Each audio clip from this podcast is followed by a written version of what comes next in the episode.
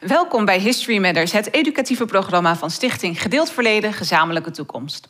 In dit programma worden we bijgepraat over het koloniale en slavernijverleden van Rotterdam. Een jaar lang hebben we samen met studenten en leerlingen van Albeda Zatkin en de Hogeschool Rotterdam, wetenschappers, historici, geleerden en Rotterdammers aan de tand gevoeld over hoe de geschiedenis het Rotterdam van nu heeft gevormd. We hebben een hoop besproken, uitgediept en onszelf bijgeschoold. Vanavond blikken we daar kort op terug, maar we gaan toch vooral ook vooruitkijken. Het is de hoogste tijd om te komen tot sleutels voor verandering. Mijn naam is Hasna Elmaroudi. Laten we beginnen. Een belangrijke les uit de trilogie en de reeks History Matters is dat kolonialisme begint met het streven naar winst door ondernemers. Dat staat, de staat en de kerk hebben hierbij hulp geboden. Door ondernemingen bijvoorbeeld toe te staan om andere landen te bezetten, door andere volken tot slaaf te maken of door andere volken te vermoorden. In dit panel kijken we vanuit de 21ste economie terug. Wat leren we hieruit? Welke rol hebben de overheid en welke rol hebben bedrijven bij de verwerking van het koloniale verleden? Welke rol past hen? Om dat te doen zijn hier vanavond wethouder Fauzi Achbar van Welzijn, Samenleven, Sport en Digitale Inclusie. Welkom. En professor Katia Antunes, professor of History of Global Economics Network aan de Universiteit van Leiden en kennispartner van History Matters. Ook welkom. Hey.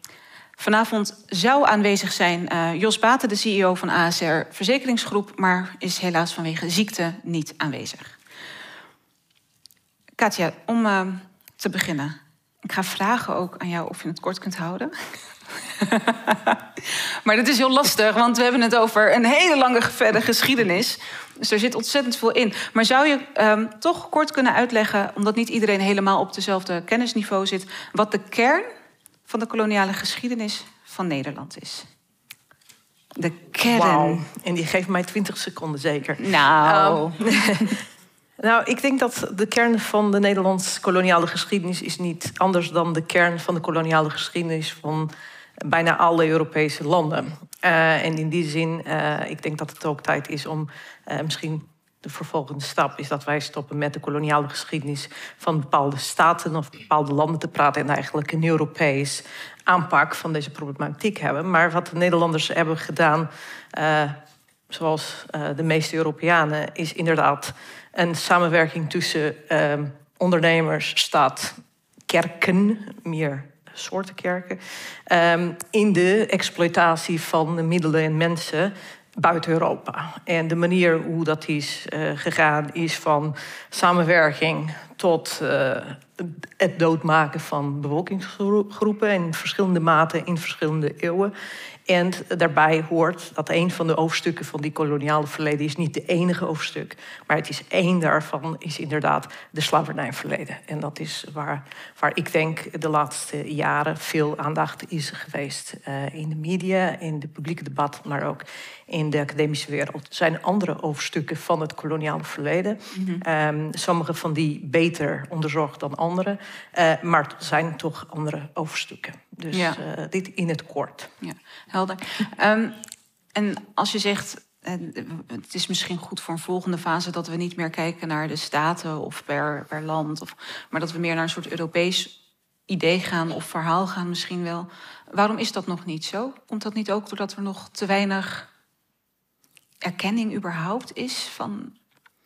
Ik denk dat er is, uh, zijn twee uh, of drie redenen, denk ik. Ten eerste, uh, koloniale rijken worden vooral bedacht en gediscussieerd vanuit de nationale kant.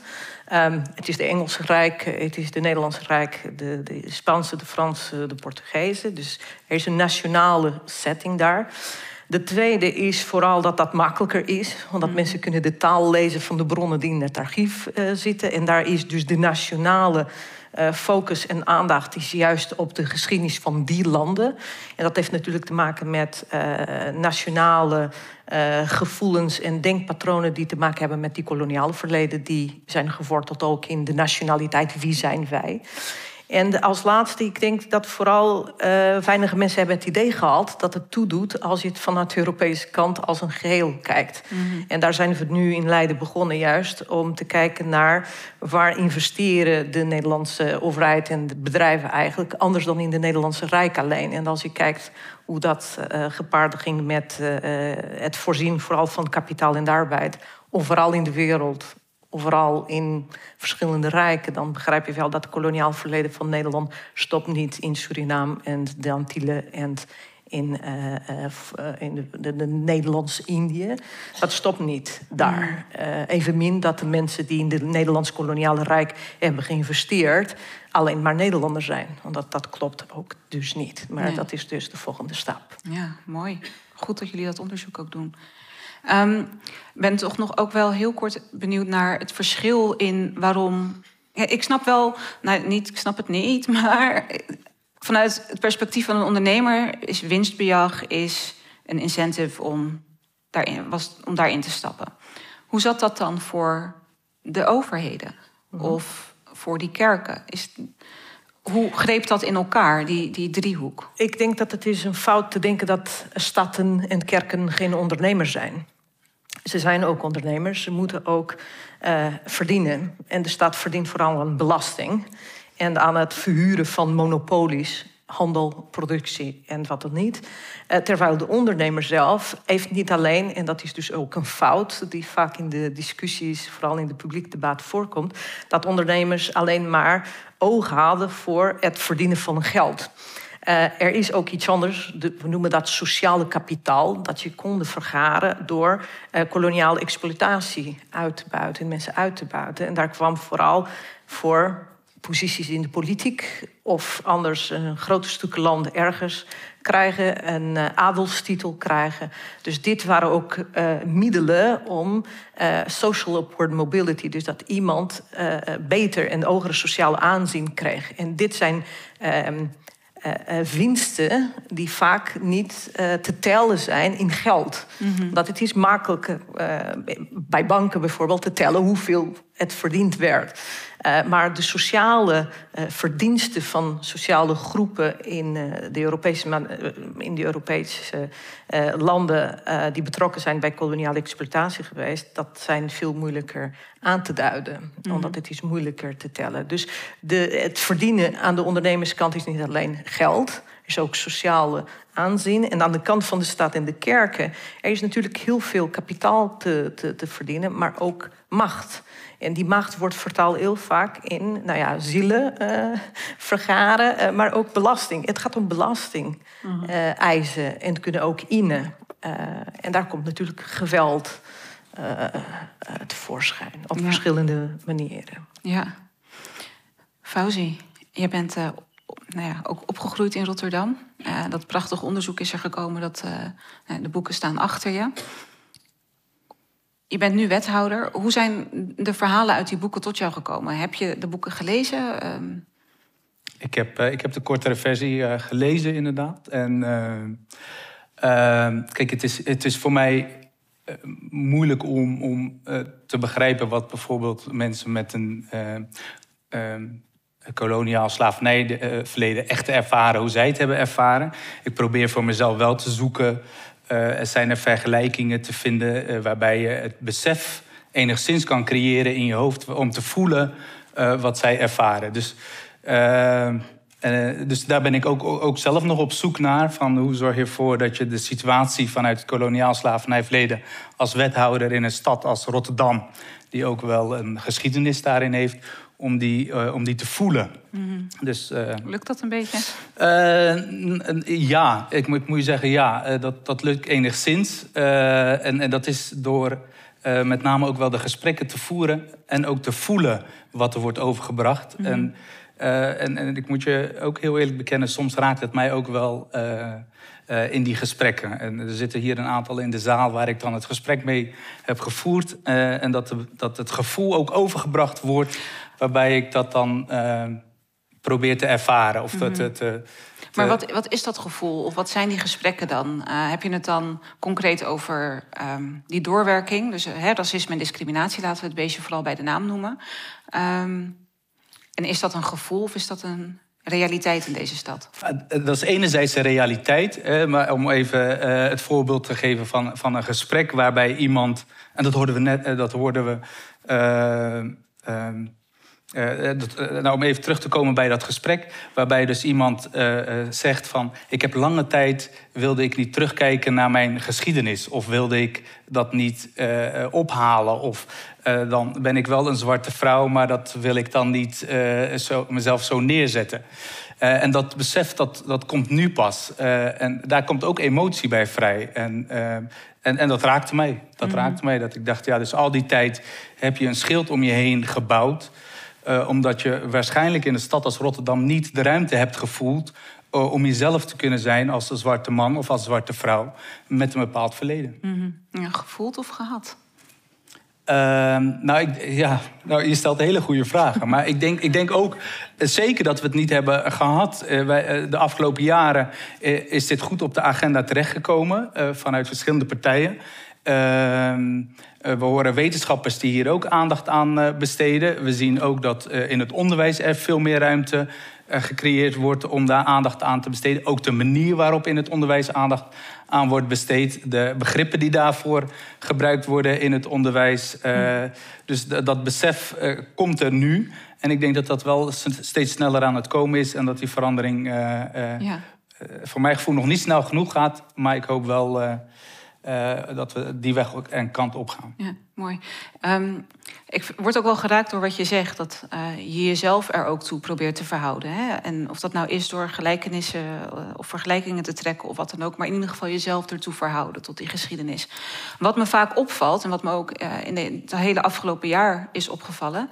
Um, is dat als we het hebben over het koloniale en slavernijverleden, of het nou van Rotterdam, van Nederland of de hele wereld is, is dat het dan vaak um, vanuit mensen die oorspronkelijk uit uh, de kolonie bijvoorbeeld uh, komen, of uh, die voorvaderen hebben die tot slaaf gemaakt zijn geweest. Terwijl we toch met z'n allen in Nederland leven en het land zoals het nu opgebouwd is, het land, de welvaart waar wij nu van genieten, ook jij, ook ik, mede opgebouwd is door dat verleden.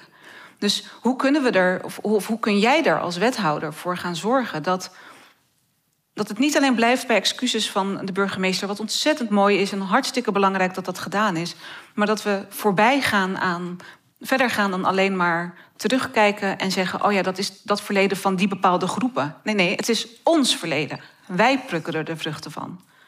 En dat is echt heel wrang, maar het is wel zo. Ja. Nou eh, eh, daarin zeggen wij als college, wij proberen uh, alle Rotterdams een gelijkwaardige uh, kans te geven. en dat zeggen we omdat we vinden dat we. mensen komen barrières tegen. We willen wel dat ze maximaal hun talenten kunnen ontwikkelen. en ik gebruik bewust het woord gelijkwaardige hè, en niet gelijke kansen geven. omdat daar voor mij wel een fundamenteel verschil in zit. Want wat de een nodig heeft, uh, hoeft de ander misschien in meer, uh, niet, niet nodig te hebben, of juist in meerdere maten nodig te hebben. Dus ik denk dat wij als, als college, op, door op die manier te kijken, daar ook een, een, een andere manier en, en maatwerk in te leveren om, uh, om daarin tegemoet te komen. Mm mooi. Kijk, een van de vragen die bij ons op tafel ligt bij de wetenschap, en dat is een moeilijk, stuk, denk ik, voor het publieke debat op dit moment, is dat heel veel Nederlanders, en vooral in Rotterdam is dat echt een werkelijkheid, de meeste ehm, mensen dat wij zouden dan noemen allochtonen in Rotterdam, komen eigenlijk van postkoloniale samenlevingen. Dus ook zij hebben een koloniaal verleden. Terwijl in Nederland ze worden wel gekanteld als migranten of uh, gastarbeiders. Of, ook deze groepen zijn eigenlijk postkoloniale groepen. Uh, met en zonder een slavernijverleden. En daarom zou ik ook nogmaals willen pleiten voor dat Europese visie op de koloniale verleden. Omdat eh, eigenlijk de koloniale geschiedenis is overal in Nederland. Niet alleen van uh, autochtone Nederlanders, maar ook van allochtone Nederlanders die niet afkomstig zijn van de vroegere kolonies van Nederland. Mm -hmm. En ook die mensen hebben een zeer um, um, interessante geschiedenis, ja. nou ja, ontwikkeling, levensloop gehad. En mhm. die lopen ook met koloniale trauma's mee. Mm Kun je daar een voorbeeld van geven? de Marokkanen, de Turken. De, we, we, kunnen, we kunnen de lijst door. Het was gewoon een andere koloniale rijk. De, de Tunesiërs, de Syriërs, die uh, nu uh, met zoveel binnen. Eigenlijk wij allemaal. Nou ja, kijk, dat is dus, uh, dus waar stopt de koloniale verleden? Ik denk niet dat het stopt binnen de grenzen van de vroeger koloniën van Nederland. Mm. En vooral in Rotterdam is dat onmogelijk, die scheiding te maken als het gaat om de slavernijverleden, dat is eh, een, een andere, een ander verhaal. Um, en ook de slavernij in het Westen, dus in het Atlantische gebied en in Azië, mhm. eh, is ook anders benaderd in de geschiedenis. En ook daar kan Nederland een bijdrage leveren. Ja. Helder. Even terugkomend op mijn vraag over uh, wetenschappers en de rol voor wie je onderzoek doet. Wat me toch wel ook opvalt, is dat um, op het moment dat er onderzoek, of dan hedendaags onderzoek gedaan wordt, zoals bijvoorbeeld die drie boeken, maar ook op andere plekken, ook uh, nationaal, um, je daarmee wel de politiek ook een bepaalde kant op kunt duwen. Ja. Um, wordt, is, dat, is dit daar een soort bewust, bewuste keuze in? Of? Bij sommigen van ons wel en de, bij anderen iets minder. Um, ik denk dat vooral als ik zo kijk in de omgeving, in mijn omgeving van mensen die uh, koloniale geschiedenis studeren, niet alleen uh, hoogleraar, maar ook uh, mensen die promoveren of postdocs, wat ik, wat ik heel fijn vind, is dat mensen eigenlijk zien vier wegen naar de toekomst. Eén is het hervormen van het onderwijs op alle mhm. niveaus. De tweede is het blijven wetenschappelijk onderzoek doen, zodat wij die redelijkheid in het debat kunnen leveren op het moment dat toch uh, de extremen aan het woord zijn. De derde is inderdaad mensen informeren, omdat we echt geloven dat als je geïnformeerd bent, dat je een veel uh, volwassener bijdrage zelf kan leveren. Niet alleen aan hoe je naar de geschiedenis kijkt, maar ook hoe je kinderen opvoedt. En als laatste denk ik dat dit is ook de weg om mensen te overtuigen dat ze moeten eigenlijk hun burgerlijke rechten gaan halen bij de rechtsstaat dat ze zouden moeten eigenlijk verdedigen en beschermen. Uh, dus dat stuk burgerschap, empowerment als je wil, van bottom-up, dat is dus wat wij moeten doen. En de enige manier om dit te doen is onderzoek blijven doen en mensen stimuleren om voor eigen rechten te komen. En de Nederlandse staat is daar fantastisch in. Want dit is echt een rechtsstaat, maar je moet wel je gelijk gaan halen. Uh, en als je meer weet hoe dat kan en waarom je dat zou moeten doen, ik denk dat wij daadwerkelijk een verschil maken in de individuele leven van de mensen. Dus het gaat niet meer om de slavengemaakte of de groep. Het gaat om het individuele leven van elke persoon. Mhm. Van degene die gediscrimineerd wordt op de arbeidsmarkt, op de woningmarkt, die niet een fatsoenlijke school heeft. De verschillen tussen de Antillianen die toch Nederlandse burgers zijn en toch anders behandeld worden daar en hier. Um, dus dit zijn dus vragen dat als mensen bewust zijn van de geschiedenis, begrijpen hoe de instituties werken. Mhm ik denk dat je daar heel ver kan komen. En daar heeft een gemeente waarschijnlijk een rol in. Om die burgerschap juist te stimuleren, zou ik zeggen. Ja, Fauzi. Heb ik daar een rol in? Ja, zeker. Is dat jouw werk? ik dacht, ik kom voor de gezelligheid. uh, nee, zeker. Wij, wij, hebben daar zeker een rol in. Uh, en, en zoals ik zei, hè, we, eh, dit agenderen, dit bespreken, dit, dit onderwerp bewust uh, onder de aandacht brengen in, uh, voor een groter publiek. Uh, is, is denk ik zeker een taak vanuit, vanuit de gemeente. er voldoende aandacht voor hebben, het probleem erkennen. Mm -hmm. en ik denk in aanloop naar volgend jaar denk ik ook wel een belangrijk momentum voor ons allemaal. Om een breder in die stad en het liefst nog in den landen Rotterdammers, Nederlanders, bewust te maken over ons uh, koloniaal slavernijverleden. Dus uh, ik zie daar zeker wel een rol voor ons uh, in weggelegd als, als gemeente. Ja, mooi.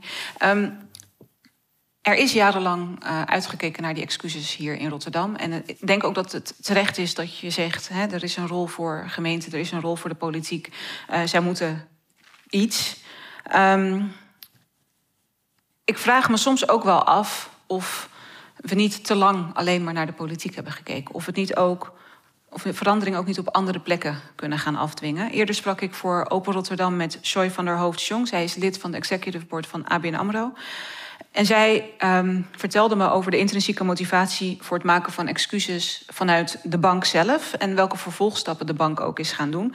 Ik vroeg haar waarom ABN AMRO onderzoek heeft gedaan naar dienstverleden en naar dienstexcuses. Um, ik zal daar zo nog wat meer over vertellen, maar laten we eerst even kijken.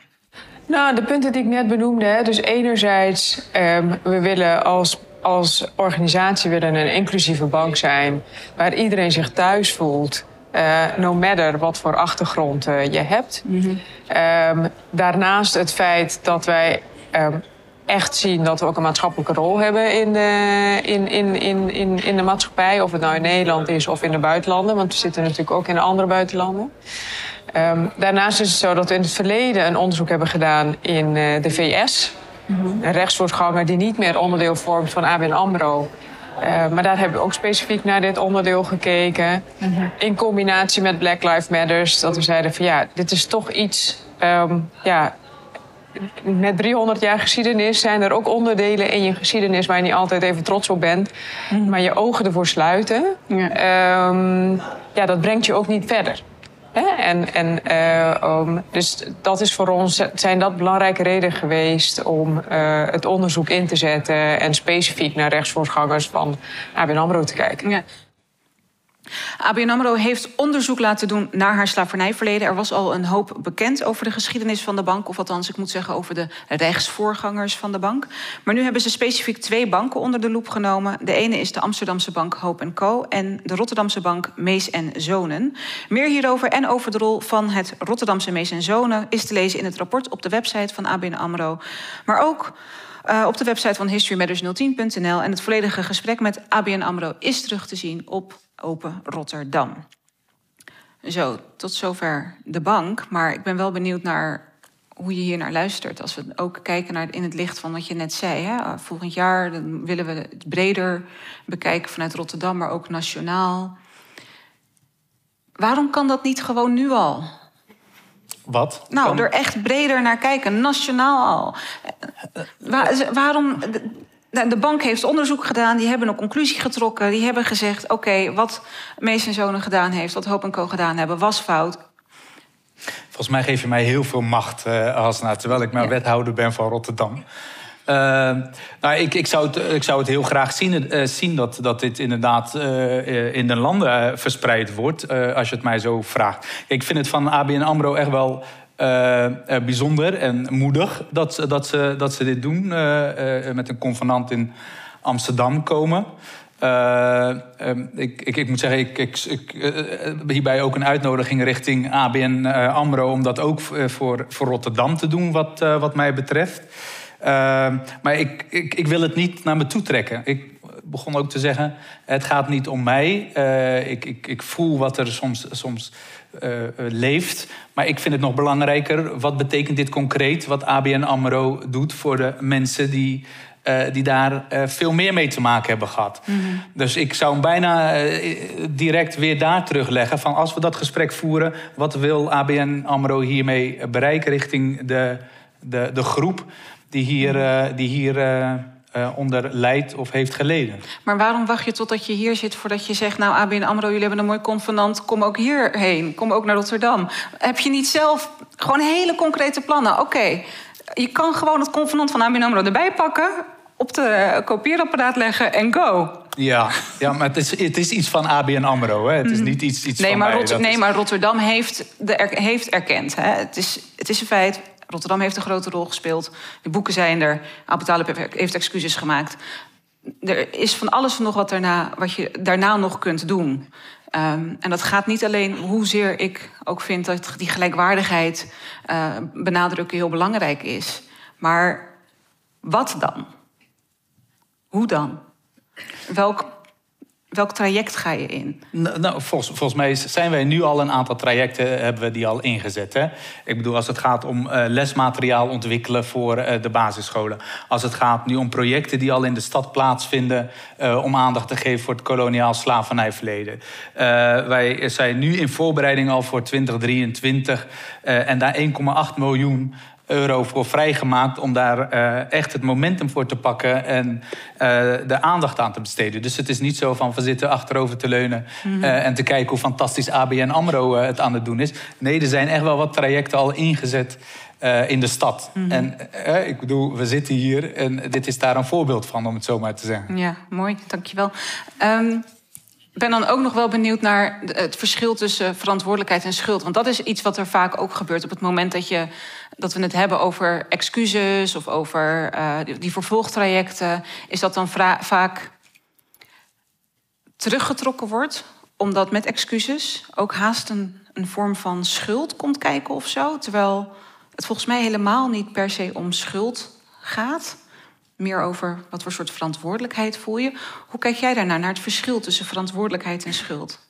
Nou, is volgens mij een juridisch reden hiervoor. Het heeft niks mee te maken met, of daar geloof ik tenminste niet in. Uh, ik denk dat excuses kosten je geen geld. Als je schuld erkent, uh, kan je wel een heleboel uh, rechtszaken op je broek krijgen. En dat, dat is wat men niet wil, omdat dat is het gevaar dat erin zit voor de staat. Als je het bekijkt vanuit de kant van de staat. Um, nou, is dat. Uh, willen we een gesprek in Nederland hierover voeren? Ik denk dat het gesprek mag en kan gevoerd worden. Heeft het heel veel zin? Ik weet het niet. Ik ben niet van overtuigd. Als iemand mij kan overtuigen dat uh, het betalen voor het verleden zou iets leveren, uh, ik betwijfel het. Ik zou zeggen, Weet je, um, kom maar met steun voor fatsoenlijk burgerschap. Kom maar met steun voor die mensen die dagelijks gediscrimineerd worden op instituties, door instituties, door mensen, door scholen, door wooncorporaties. Kom daar mee met de geld. Um, denk ik dat dat zou uh, meer impact hebben op de leven van degene die stemt op die staat, op die politici. Mm -hmm. um, en in die zin nogmaals, uh, ik, ik, wil jou niet in de spotlight uh, leggen, maar er, er, is vanuit de gemeente. De, de, de, lokale politiek is zo goed georganiseerd in Nederland dat op de kleinste gemeente, dus niet alleen Rotterdam, uh, zit daar echt een kans om juist de mensen te steunen in die, als je wil, in de laatste hoofdstuk van de emancipatie. Want dit is niks anders dan het eind van de emancipatie.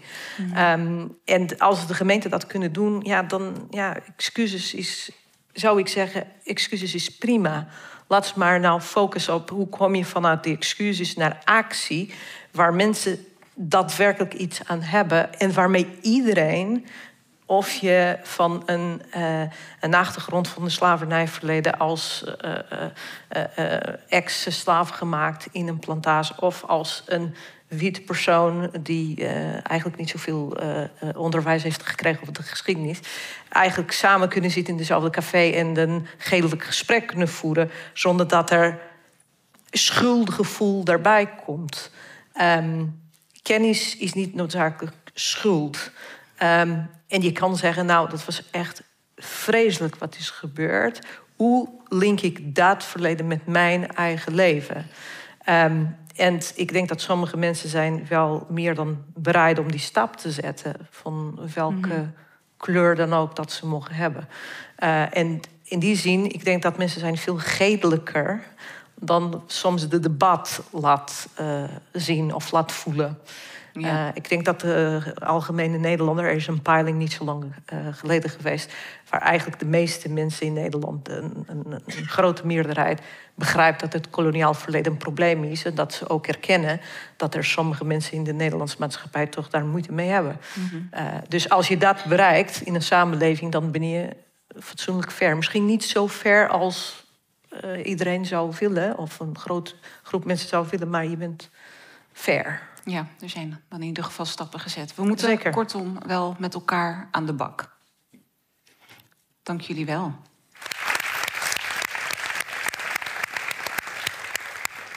En hiermee zijn we aan het einde gekomen van deze aflevering. Fauzi Akbar en Katia Antunes, ontzettend bedankt voor jullie komst. Mijn naam is Hasna Almaroudi. Graag tot de volgende keer.